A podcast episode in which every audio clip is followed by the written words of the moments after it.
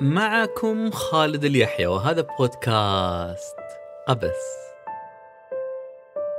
حيث نروي القصص. فالقصة هي المكان الوحيد الذي يتيح لنا أن نشهد كيف يتقن العالم ممارسة الشك وكيف يتقن نصف العالم ممارسة اليقين. هذه الحلقة تأتيكم بعد أن اختير قبس واحدا من أضخم البودكاستات في منصة أبل للعام الماضي. فشكرا. شكرا لكم أنتم أيها الأصدقاء الذين تكرمتم بعطائكم ومشاركاتكم وتغريداتكم وتعليقاتكم حتى لو كان بسؤال عن الحال. وشكرا أيضا للأصدقاء في منصة معنا بقيادة بدر الحمود وسارة الراجحي الذين يجوبون عوالم المعرفة بهدوء ويتحدثون بهمس كي يصنعوا لنا تجربة فائقة الإتقان من غير أن نشعر بوجودهم وكأن كل هذا الجمال قد جاء هكذا فجأة كواحة هبطت من السماء. قصة اليوم سنجرب فيها أمرا مختلفا. لن أروي قصة واحدة سنجرب أن ترتطم مجموعة من القصص المفككة ببعضها ونراقب إن كانت ستلتئم جميعا في النهاية في حكاية واحدة. هنا حلقة جديدة. مختلفة. وطويلة نسبيا. تأتيكم من وكر الدهشة. من عش السكينة. نعود فيها لواحد من الأيام المثيرة. نحن الآن في الماضي في يوم 25 سبتمبر 1999 اشرأبت أعناق موظفي ناسا نحو الشاشات الكبرى التي تنقل البث الحي. بث المركبة والذي سيأتي متأخرا أكثر من عشرين دقيقة حتى يصل لهوائيات المحطة الأرضية. لكن ما الذي يعنيه تأخير من عشرين دقيقة؟ فالفريق ظل يترقب هذه اللحظة منذ أكثر من 286 يوما وهو بصدد الاحتفال. المهمة كلفت أكثر من ربع مليار دولار. نحن على مقربة من اللحظة الحاسمة. دموع الفرحة بدأت تستجمع نفسها في حدقات العاملين لتمتزج بسرور ضحكاتهم. وريثما تحين لحظة الاحتفال؟ دعونا نستعرض بسرعة ما جرى. دعونا نعود لبداية الأحداث. بالضبط عندما طبع الإمبراطور قدمه على تراب الأرض الناعم وقال الكلمة التي تسببت في سلسلة من النتائج المثيرة. لكي نفهم الأمر أكثر دعونا نتأمل في كلمة مثل شهر. الشهر بمعناه في التقويم الميلادي. الشهر يعد واحدا من أكثر الأمثلة على سوء التدبير. لا يجوز أن يتم اعتباره وحدة لقياس الزمن فالشهر قد يكون 28 يوما أو 29 أو 30 أو 31 هناك شهور بأسماء آلهة رومانية. ومواسم زراعية واسم لإمبراطور رين شهر سبتمبر هو الشهر التاسع في التقويم الميلادي لكن معناه حرفيا يعني الشهر السابع. تسأل كيف يكون اسم الشهر التاسع سبعة؟ كما قلنا سوء التدبير. والسبب كما نتوقع كان قصة حب. بعد أن وقع الكهل الخمسيني يوليوس قيصر في غرام العشرينية كليوباترا لم يأسره فقط حديثها وإنما أسره أيضا تقويمها. التقويم المعتمد على السنة الشمسية. فتبنى يوليوس قيصر هذا التقويم وأصدر أمره للإمبراطورية الرومانية باعتماده لكن بعد أن تلاعب به قليلا. فقرر أن يكون الشهر الذي ولد فيه باسمه باسم الإمبراطور يوليو. ولأن يوليو هو شهر الإمبراطور فلا يليق به أن يكون مجتزأ. يجب ألا يقل عدد أيامه عن الحد الأقصى واحدا وثلاثين يوما. ولأجله ولأجل عيون الإمبراطور أغسطس أيضا فقد تم اقتطاع يوم من شهر فبراير. ليصبح فبراير الشهر الوحيد المكون من 28 يوما. وليس الزمن وحده. كان أسير تلك الأنواع من المقايضة. وإنما المسافة أيضا.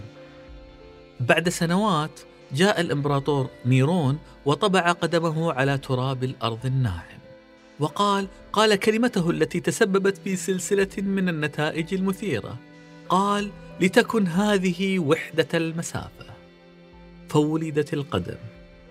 ومنها اشتقت الذراع وهذا يكفي يكفي للقياس فكل شيء يكفيه أن يكون تقريبا وتفرعت الحسابات فهناك في الحسابات مثلا مسيرة يوم والتي تم تقديرها ب 40 كيلومترا تقريبا كم مدة اليوم؟ هل هو اليوم القياسي من أيام الصيف أم من أيام الشتاء؟ هل هو 12 ساعة؟ هل هذه الأسئلة حقا مهمة؟ قلنا تقريبا وهذا يكفي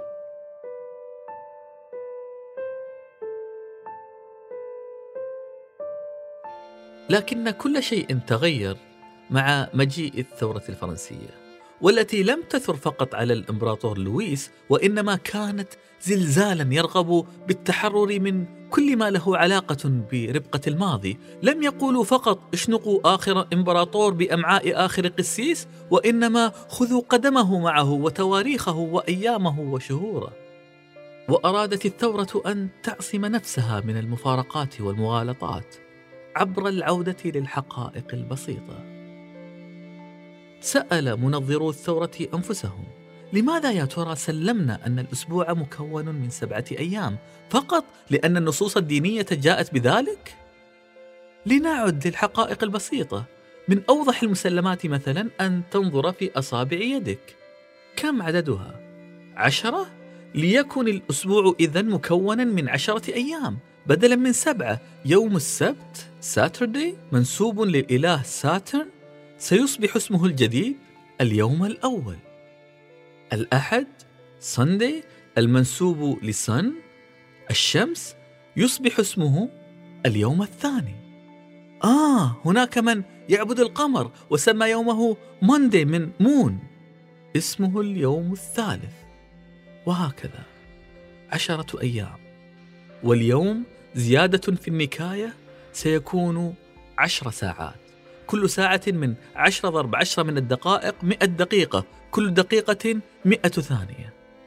وهذا لا يكفي. يجب التخلص من كل إرث يوليوس قيصر وآلهته وحبيباته. الشهر الأول سيصبح اسمه شهر الحصاد.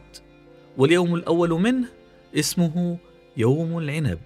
يليه يوم الزعفران. لم يعد هناك يوم الأحد أو الغفران أو شم النسيم أو الجمعة الحزينة.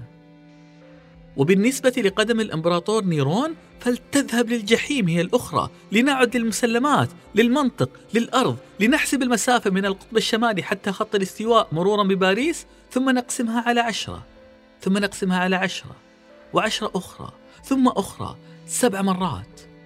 وسنحصل على المتر.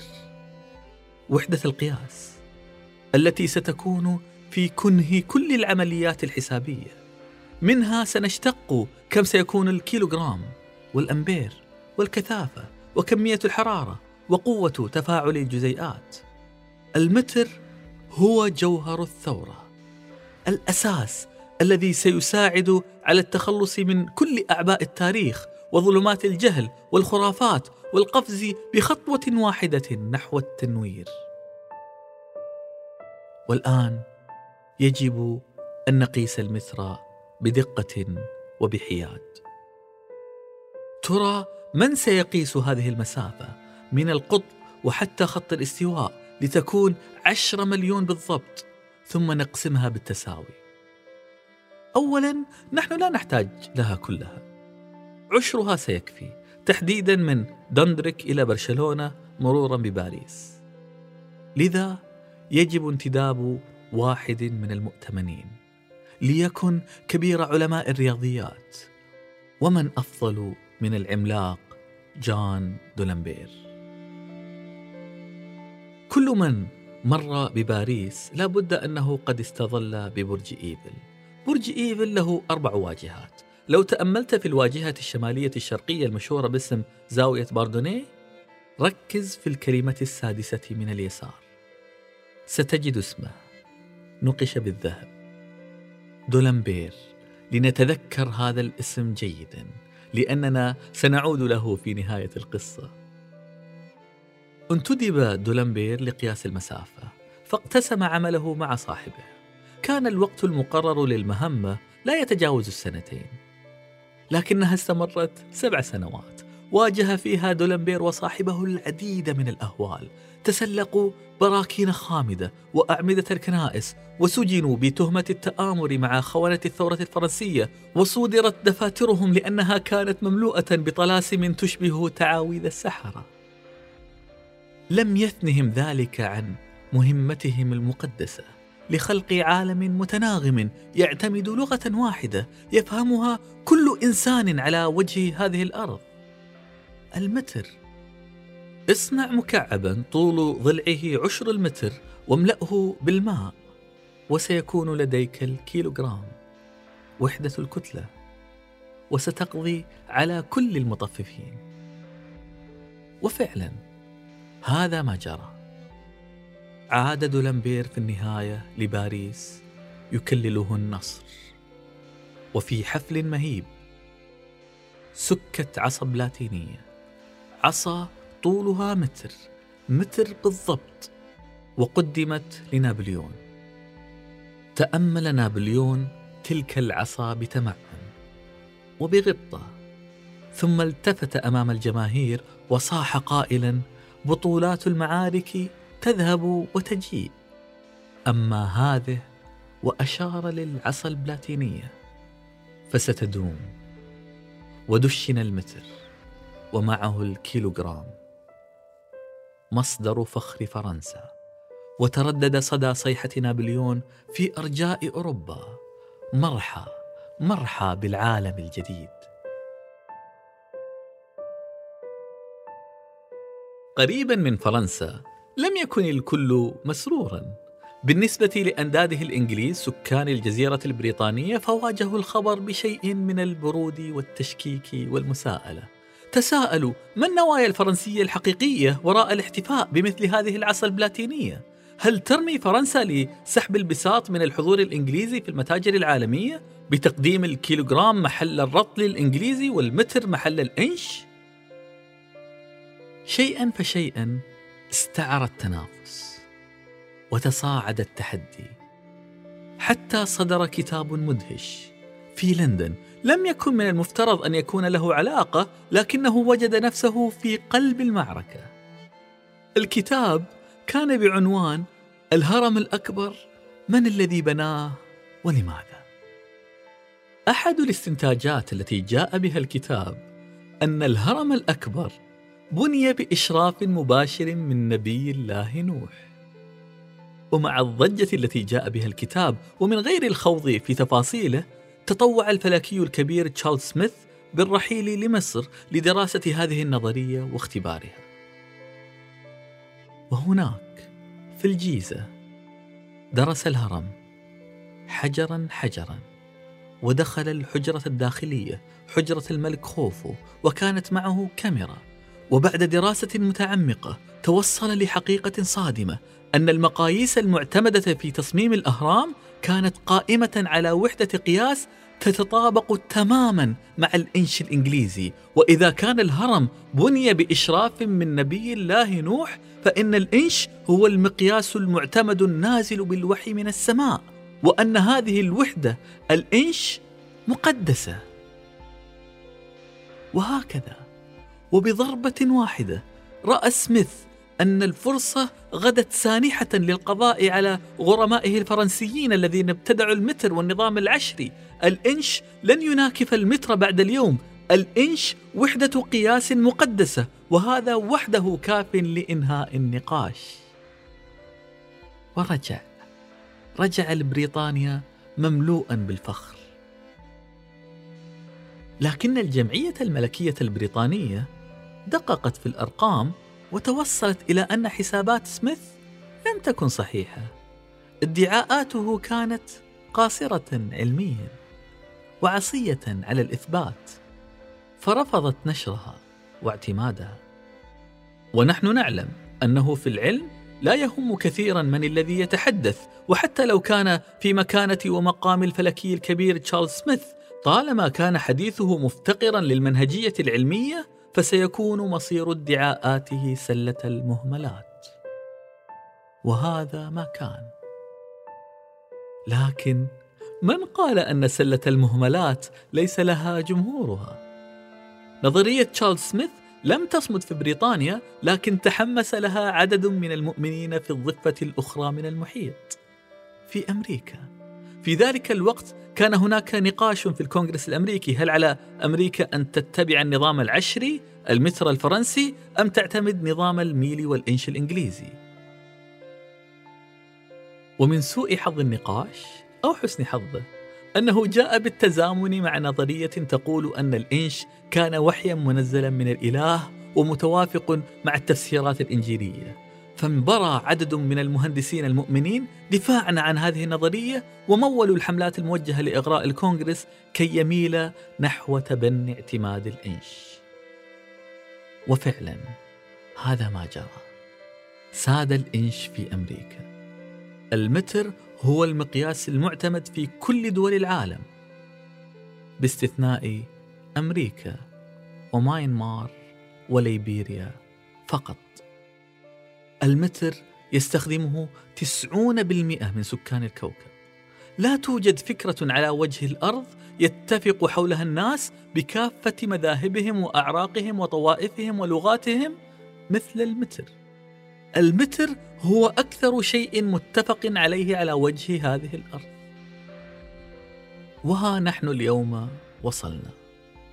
أعني نحن في يوم 25 سبتمبر 1999 إشرأبت أعناق موظفي ناسا نحو الشاشات الكبرى التي تنقل البث الحي بث المركبة. نحن على مقربة من اللحظة الحاسمة. دموع الفرحة بدأت تستجمع نفسها في حدقات العاملين لتمتزج بسرور ضحكاتهم. وهنا في هذه اللحظة انقطع البث. تفجرت المركبة وتطايرت شظاياها في الفضاء الصامت. وأعتقد أنكم قد أدركتم السبب. ناسا عندما صممت المركبة الفضائية المتجهة للمريخ اعتمدت حساباتها بنظام المتر. لكن الشركة الأمريكية لوكهيد مارتن التي صنعت المركبة قامت بحساباتها اعتمادا على نظام الإنش ولم تقم بعملية التحويل بشكل صحيح. هذا الخطأ البسيط في الحساب تسبب في اختلاف تقدير قوة جذب المريخ وعندما اقتربت المركبة من سطح الكوكب الأحمر تسارعت للتحطم وتطاير معها أكثر من ربع مليار دولار. وأدرك الآن أن البعض منكم يا أصدقائي المستمعين قد اتضح له مسار القصة ومقصودها. أننا وصلنا لغرض القصة عن تفاهة رواسب التفكير التاريخي وصحة الاقتراب من المنطق العقلاني الذي توج بتسيد المتر وحضوره المتفق عليه.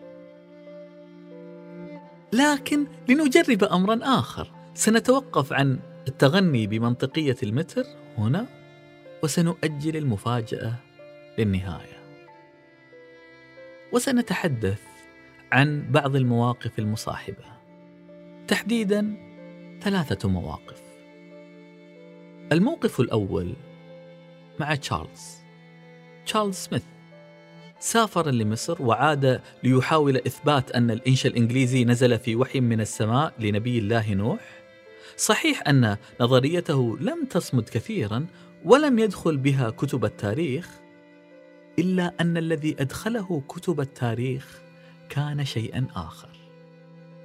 أثناء دراسته لقياسات القبر في باطن الهرم الأكبر كان مصمما على التقاط الصور باستخدام الكاميرا لكنه أخفق أخفق في التصوير بسبب الظلام الدامس والكاميرات المستخدمة في ذلك الزمان كانت تعتمد على الضياء الطبيعي الذي يستحيل عليه أن يتسلل لغرفة مغلقة في جوف الهرم. فحاول تشارلز أن يحاكي الضوء الطبيعي. وأثناء تواجده في ظلمات القبر قبر خوفو في داخل الغرفة المظلمة صمم خليطا يولد انفجارا خفيفا يشع بضياء لفترة محدودة يمكنه من التقاط الصور. فاخترع لنا الفلاش. ومنذ ذلك الحين صار بإمكاننا التصوير في الظلام بفضل رحلته رحلة تشارلز التي كانت تسعى لإثبات أن الهرم الأكبر كان من تصميم نبي الله نوح. يحصل أحيانا أن تبدأ من منطلقات خاطئة لكن هذا لا يعني بالضرورة أن تكون نهايتك دائما على خطأ الموقف الثاني متعلق بالأسبوع العشري. استمر العمل به لسنوات في ظل حماية الثورة الفرنسية ليس في فرنسا فقط وإنما أيضا تم إخضاع أجزاء من إيطاليا له. وعندما تململ الفاتيكان من الثورة الفرنسية وتبعاتها فوجئ البابا بهجوم قوات نابليون واقتحام ساحات القديس بطرس حيث قبض على البابا بنفسه وسيق إلى فرنسا حتى مات هناك. فانتخب البابا الذي يليه وتمت التسوية. أن يحضر البابا الجديد حفل تنصيب نابليون بصفته امبراطورا ويسجل اعترافه به ويعطيه الشرعية في مقابل أن يعيد نابليون بعض الشعائر والممتلكات للمسيحيين الكاثوليك. ونجحت المقايضة وأحد تبعاتها كانت إنهاء مغامرة التقويم العشري وإعادة الاعتبار ليوم الأحد وعادت عقارب الساعة تدور بين 12 رقما بدلا من عشر فقط. الموقف الثالث مع دولمبير الفلكي العملاق. جان دولمبير الذي اؤتمن على المهمة الكبرى واجتهد بإخلاص وأفنى سبع سنوات من عمره لكي يتأكد من أن المسافة بين القطب الشمالي وخط الاستواء هي بالضبط عشرة مليون متر. نحن اليوم نستطيع بسهولة أن نقيس المسافة باستخدام الأقمار الصناعية. هي ليست عشرة مليون هناك 2290 مترا إضافيا. المسافة الحقيقية هي 10 مليون و2290 وهذا أمر مفهوم فالأدوات التي نملكها اليوم أكثر دقة مما كان بين يدي دولمبير. حقا؟ هنا المفاجأة. بعد أن سكت العصا البلاتينية توفي صاحب دولمبير الذي شاركه الرحلة وجيء بدفاتر حساباته لصديقه. وهناك اكتشف دولمبير أن ثمة خطأ في الحساب. أن هناك 2290 مترا مفقودة. ترى ما الذي عليه أن يقوم به؟ هل عليه أن يصحح هذا الخطأ؟ أن يطالب بسحب تلك العصا البلاتينية ويعدل من قياساتها؟ أم أن يصمت ويتكتم على خطيئة صاحبه؟ إن قرر الصمت فهذا تهديد للمنطق. عندها لن يكون حساب المتر مبنيا على الحقائق الطبيعية وإنما فقط بناء على صيحة نابليون. ما الفرق إذا بين الإمبراطور نابليون والإمبراطور نيرون؟ نيرون حدد مقاس قدمه لتكون أساسا لوحدة المسافة ونابليون رفع عصا بلاتينية. كلاهما بني بالاستناد إلى اختيارات بشرية. هذا تهديد للعلم والمنطق. كان خيارا صعبا واجه فيه دولمبير معضلة أخلاقية. واختار الصمت التستر التكتم. رأى أن المكتسبات التي تحققت من تلك الرحلة أكبر من أن تعبث بها قسوة الحقائق. وهكذا حتى المتر أصابه ما أصاب المطففين وكل الحسابات التي جاءت بعده صممت لتتواءم مع ذلك الخطأ. وفقط انتهى الأمر. الأمر المتفق عليه عند تسعة أعشار البشر أكثر فكرة اتفق حولها الناس بكافة مذاهبهم وأعراقهم وطوائفهم ولغاتهم كانت مبنية على أساس تعمد إخفاء الخطأ. لكن في النهاية نحن متفقون على استخدامه. وربما هذا هو المقصود. هل الغرض من اتفاقنا أن نكون على حق دائما؟ أم أننا نتفق لنتعايش؟ ربما الأمر كما قلنا يحصل أحيانا أن تبدأ من منطلقات خاطئة لكن هذا لا يعني بالضرورة. أن تكون نهايتك خطأ.